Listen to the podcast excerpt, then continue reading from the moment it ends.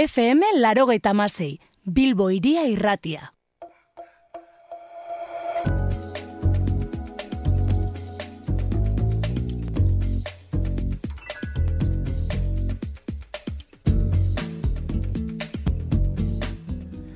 TIP edo TTIP ingelesez, merkataritza eta inbertsiorako itun transatlantikoa ari dira negoziatzen, Europar Batasuna eta Amerikako Estatu Batuak, isilpean. Luis Guridi, Euskal Herriko Uristeko irakasle eta ekonomiaren editua. Egun hon? Egun bai. Azteko, zer da TTIP, TIP edo merkataritza eta inbertsiorako itun transatlantiko hori? Bueno, ba, itun hau oso itun garrantzitsua da, zeren eta kontuan hartu behar da, momentu honetan, batuko dituela merkataritzan eta inbertsioan munduko bi gune merkataritza eta inbertsio gune handienak munduan, alde batetik eh, Europako batasuna eta bestetik Ameriketako estatu batuak ez. Bien artean, ba, osatzen dute gaur munduko erdia baino gehiago, merkataritzaren erdia baino gehiago, inbertsioak erdia baino gehiago. Beraz, hortik aterako den akordioak, onarbait, eragina izango du planeta osoan, ez? Beraz, esan dezakegu oso oso akordio garrantzitsua dela. Badaude beste akordio batzuk, estatu batuetan badago Kanada, Mexiko eta estatu batuen artean, Ego Amerika eta Mercosur, Unasur, badaude beste batzuk, baina hau izango da jakina dimentsioaren eta dagoan nortzu dauden parte hartzen, ba izango da munduko akordiorik garrantzitsuena. Nolgi dator itun hau? Bueno, itun hau aspaldikoa da, hau hasieran laroeko, laroeko eta amarreko amarkadan hasi zen, garai hartan eh, Bush eh, presidente zegoela hasi zen garai hartan, baina poligo poliki joan da e, hortik aurrera ba, aurre pausu batzuk ematen, pausu txiki batzuk ematen, eta, bueno, ba, azkenean, badiru dira, 2008an ja erabaki zela negoziazioak astea, ez? Ja, jartzea, mai baten eta negoziazioak hasi, ez? Momentu honetan bukatu da Bruselan, sortzigarren e, e, hau da, ronda edo e, bilketa hau, eta, bueno, ba, segurazki gorendik e, gauzak ez dira itxi, ja jarraituko ez dakit noiz itxiko dan, nahi dute iztea akordioa bimena dako, baina ez dakit helduko diren, baina e, hori da lugurua bizkat. Datoren urterako, datoren urtea bukatu baino lehenago, ja akordio hori adostuta gotea. Sekretupean ari dira, eta informazio zehatzik ez dago. Ba, hori da, ose, sekretupean, e, ez daki, ose, momentu honetan, ose, hau kontuan hartu behar da, negoziatzen ari direnak, direla Europako batasuna eta estatu batua, baina alde batetik Europako batasunako teknokratak, hau da, funtzionariak, maila handiko funtzionariak eta estatu batuetan ari berdin, eta horren inguruan daude olako lobiak, enpresa transnazionalen lobiak, beraiei aholkularitza lanak egiten, ia zen negoziatu baruten da zerrez. Beraz, hori horrela egiten ari den e, einean, oso sekretupean ari da. Hau da, ez da dekretu lege bat, ez da parlamentuan egiten dan lege bat non alderdi politiko guztia dakite zer negoziatzen ari diren da zer ez. Ez ez, hau da, eskutuan egiten ari den zerbait, eta badirudi parlamentarioak Europako mailan badutela posibilitatea ez da bi ordu gehien egonda gela itxi baten inungo e, e, ezer eraman gabe bakarrik ikuskatzeko ze dokumentu eztabaidatzen ari diren. Eta hortik, datorkigu informazioa bentzet, ba, zertaz diren dokumentu horiek, negoziatzen ari diren dokumentu horiek, ez? Eta hori da dakigun bakarra, bentze komunikabide eta atera den bakarra, beraz, oso, oso iluna dago, eta bakarri dakiguna da dokumentu batzu daudela, eta dokumentu horiek nondin nora doazen, ez? O zer planteatzen ari diren, ez? Baina, e, baina, bueno, ba, ba, hori da, osea, esan nahi dute, e, ez dago, ez da, dokumentuak e, begibiztan daudenak eta parlamentuan da horlako, eta oso oso eskutuen ari direnak, bai. Prentsala filtratu da besteak beste, ba, itun horrek justizia propioa eratu nahi duela. Bai, hau da, hau da gako garrantzitsuen bat, ez? Hau da, nola bait e, e, horrek esaten duena da, estaduak eta e, trataduen artean, eh? o transnazionala kasu honetan, hau da, zentzu izango diren eragileak, ez, merkataritzen den inbertsio horretan. Karo, nortzuk izango dira hor, eragile nagusienak bi eremu ekonomiko horien artean, bat transnazionalak, horiek egiten dute gehien, gehien bat, horiek egiten dute merkataritza, eta horiek egiten dituzten bertsioak. Beraz, horiek, hau da, horri izango diren eragileak, agenteak, eta estatuen artean, arkatu, estatuen artean, badago desadostasunen bat, asuntoa da, nork erabakiko du desadostasun hori. Eta hor, planteatzen da, izango direla, olako ba, tribunal batzuk edo, eh, pribatuak, non azken, izango duten azken goitza erabagitzeko, ian nork izango duen arrazoia, eta interpretazioa, elegaren interpretazioa, nolako izango den, ez? Karo, honek egiten duena da, estatuei, podere publikoei, subironatasuna kendu, erabaki bat hartzeko, eta hori subironatasun hori pasatuko da, estatuetatik, e, administrazio publikoetatik pasatuko da, tribunal privatuetara, eta hori da oso, oso gauza latza, ez? Eta hori da besteak beste, gaur, no, zergatik, ba, ba, estatu asko eta besteak beste, bueno, Frantzia hor dago, eta beste estatu batzu, ba, txalantza dituztenak, ia, ba, azkenean, nork izango duen podere hori, ba, erabaki bat hartzerako orduan, ez? Bestalde, nola onartu nahi dute tip itu nahu? Barkatu nola? Onartu nahi dute. Bueno, a ber, prozedura bat egongo da, hau onartzeko, eta hau da beste gako batez, e, momentu honetan negoziatzen ari dira, hor batzorde teknik horiek e, adostuko duten hori, ba, pasatu adostutako, adosten dutenean, pasatuko hori Europako batzordera, eta hor egon behar da e, gehiengo batek Europako estatuak e, estatuen gehiengo batek eta biztanlere kopuru jakin bat dutenen estatuen kopuru horrek onartu beharko du eh? Hori onartutakoan parlamentura pasatuko da Europako parlamentura eta gero parlamentu nazionaletara estatu bakoitzako parlamentuetara ez? eta hor bukatuko da eta horiek onartzen badute ba onartuta izango da hau da ez da ikusten egongo denek arreferendunik inun Osea, estatu, ez da ingo da erreferendu bat honi buru, bezik eta parlamentu mailan geratuko da. Hori da, adostuta dagoen e, prozedura e, onartzerakoan.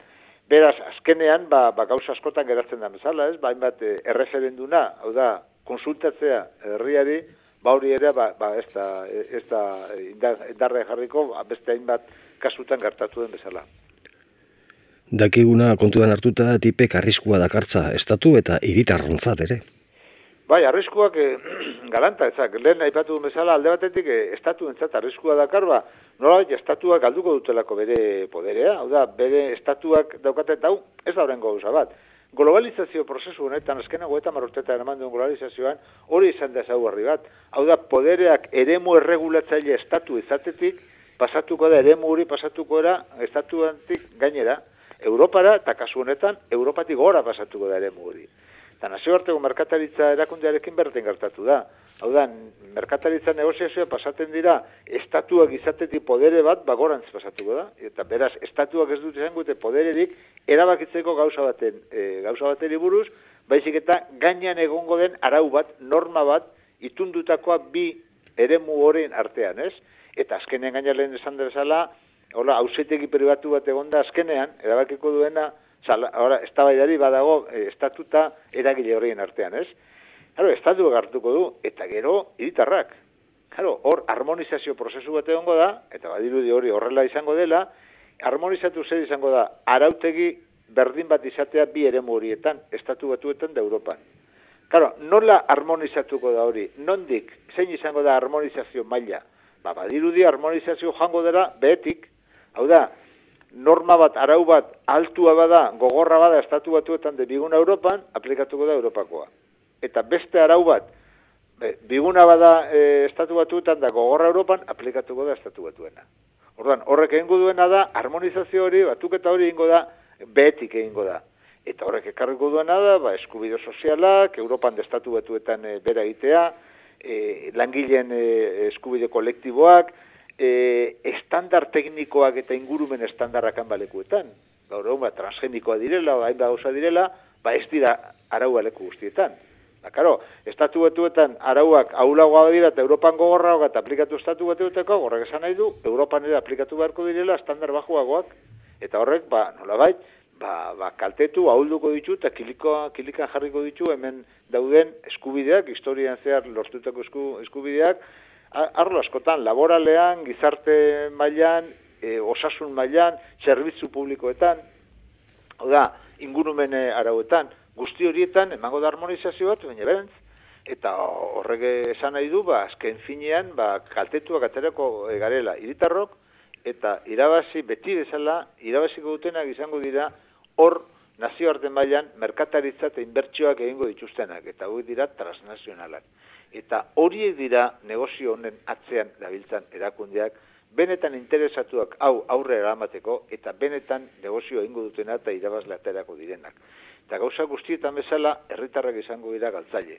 Hau ez da tratatu honekin bakarrik ematen, globalizazioa planteatu zenean orain hogeita marrute, hau da mundura irikitzea, merkatu bakarra egitea, ara guztiak kentzea, mer, e, fronterak e, e, suntxitzea, liberalizazioa, hori planteatu zenean hogeita marrute, hau da azkenengo, atala, azkenengo e, eskaila, azkenengo maila hau da ematen dena, azkenengo pausua da, baina hau da, e, azkenengo eta marrutetan eman diren pausuaren azkenengoa, eta kasu honetan ere, hau bultzatzaileak e, e, transnazionala dira eta irabazleak ere bai. Horendik ez dakigu ze, ze nola geratu den, baina badirudi hortik doa asuntoa. Alde honik badu? Bueno, a ber, hau justifikatzen dutenak, eh, honen alde daudenak, esaten dute, eh, kentzen baditugu arauak, horrek egingo duena da, merkataritza eh, erresago izan. Merkataritza erresago izaten bada, ba, lortuko dugu, gauzak merkeago agotea leku batean edo bestean. Hau da, merkataritza zabalago izatea, gehiago sal, salduta erostea, inbertsio gehiago gotea, eta inbertsio gehiago goten bada, horrek gehiago koiztuko du, eta horrek ekarriko du lan enplegu handia sortzea eta bar, eta bar, ez? Hau da, hori defendatzen duten inbertsio e, argudioak. Eta argudioa da, ekonomia, oiko ekonomia konbentzionala beti planteatzen dutena, ez? Hau da, e, ostopoak, arantzelak eta merkataritzarit inbertsioak ostopoak etzen zaizkie, horrek izango da guztien mesedetarako. Baina hau ez da egia, hau ez dago fragatuta guztien mesedetarako izango delako. Baizik eta merkataritza horretan, inbertsio horietan, hobeto kokatuta egongo direnen mesedetan. Eta hor, berriz, azaltzen zaizkigu, transnazionalak. Horiek izango dira benetan irabazleak. Enpresa txikiak eta hartainak irabaziko dute horrekin, ba gutxi, nik uste gutxi, persa txikiak eta hartzainak ez daude sartuta momentu txikia bat ipat, eta gehien nagaina dira txikiak, eta enplegua sortzen dutena enpresa txikia dira. Hemen, euneko laro eta marra enplegua sortzen dutena enpresa txikiak eta hartzaina dira. Horiek ez daude nazio arte mailan, edo pisu gutxi daukaten nazio arte mailan. Beraz, horiek ez dira aterako irabazle esentzu horretan, baizik eta transnazional enpresa handia, multinazionalak. Horiek izango dira benetan e, irabazleak. Momentu ematen du testu irekia proposatu nahi dutela, gero izteko multinazionalen mesederako. Karo, hau izan daiteke beste, beste gauza bat, ez? Hau da, tekstua adosten dutenean, testuren nahiko ambiguo, nahiko irikia, nahiko zabala izatea, eta gero, hori zehazten dutenean normakin, hau da, arau konkretuakin, hau da, letra txikira pasatzen direnean, hor pizka bat gauzak ondo heldu, ondo harrapatu gauzak, ez? eta hori, claro, hori eh, kontratu askotan gertatzen da bezala, ba, ikusten du testu orokorra, du, bueno, ba, testu ez dago, baina, claro, gero hori zehazterakoan, lege, lege, ero, norma arau bat, zehazterakoan gero, konkretuan, hor etorri daitezke problemak, ez? Eta hor, hor, uste dut izango dela azkenean arazo gehiago. Segurazki, ba, onartua izan dadin parlamentuetan eta testu orokorra ez dain gogorra izango, e, bai gauza batzuk izango ditu oso zahantzagarriak eta baina bueno, segurazki beste gauza batzuk, baina gero hori praktikara jartzen denean eta hori ez da orain egingo baizik eta etorkizunean poliki poliki betetzen joango dira arau konkretuekin hor aterako den araudi orokor hori, orduan hor aterako dira e, problema arazo gehiago, ez? Eta nik uste dut horre ongo dela gero benetako arazoak. Orain ez da izango agian, eh, berandutxuago, baina horretorriko da, eta eta horrekin batera nahi patu bezala, hau ez, nork interpretatuko dituen arau horiek, nor zehaztuko dituen arau horiek, nor egingo duen arau horien e, era bate ulertzea beste ulertzea, eta hor, torriko da, hauzitegi pribatu horiek, nortzuk izango dut izugarrizko eskubidea, hori interpretatzeko, eta badakigu horien interpretazioa noren alde joango den betik. Nortzu daugaten indarra horrelako hauzitegi pribatua planteatzen direnean, eta hor, atzean dute lobiak, eta lobi enpresa hundia internazionalean lobiak izugarrizko dirupilarekin, izugarrizko gabineteekin, izugarrizko lan talde eta ekipoekin presionatzen ari direnak, Europan esaten dute parlamentario bakutzeko bosto sei lobista udelatzean. Claro, horiek, horiek nortzu gorrezkatzen dute, ba, enpresa internazionalak. Eta horiek izango etorri indarra, momentuan hor daude unero, unero gainean, legak iterako gainean, nola egin behar den, zer egin behar den, eta esaten hau horrela beste eta beste eta beste. Gure interesak hau dira, tau, tau, tau, tau, ez. Nik uste dut hor retorriko dira, gero, hau da, tratatu itxi ondoren, oraindik, ez dago arazoak ez dira bukatuko, bezik eta ondoren arazoak orain nik uste dut handia izango direla. Bukatzeko Luis, zer egin aldugu egitarrok honen aurrean? Zer, zer egin aldugun? Bueno, ba, gauza asko, askotan bezala ba, ba, ba, protestatu, ez? Bueno, alde batetik parlamentuan dauden alderdiak eta hori, ba, hor, egin barko dute zarata. Osa, lehenengo, enteratu ondo zer egiten ari diren. Batzutan izango dute informazio hori eskuratzeko posibilitate ez izen mailaraino, Europan dauden parlamentarioak, ba, hor, bereik izango dute informazioa, eta hor, ba, altaboz bezala, ba, ba, salatu horiek. Eta hor, bueno, ba, parlamentuan ez dira talde handiak, o Europan daudenak eskerreko taldeak edo kontra daudenak, baina, bueno, ba, ba salatu, e, parlamentuan da komunikabideetan, da, eta hemen dauden parlamentuan ere, hori ona etortzen denean parlamentuetara olako lege bat onartzea, ba, salatu berriz. Eta gizarte movimenduak eta erakundeak eta gobernuzkanpoko erakundeak eta hainbat gizarte zibila kaltetua dagoena, hori parlamentuetara lege hori etortzen denean, hor, ba, erantzuna egin beharko dute, erantzuna kaleetan da, parlamentuan da, instituzioetan da, leku guztietan, ez? e, oraindik e, etorriko da, oza, movimendu, ez da hazi oraindik, ba, egin dira manifestazio batzuk, eta egiten ari dira balekuetan, baina oraindik erantzun gogorra ez da. Eh?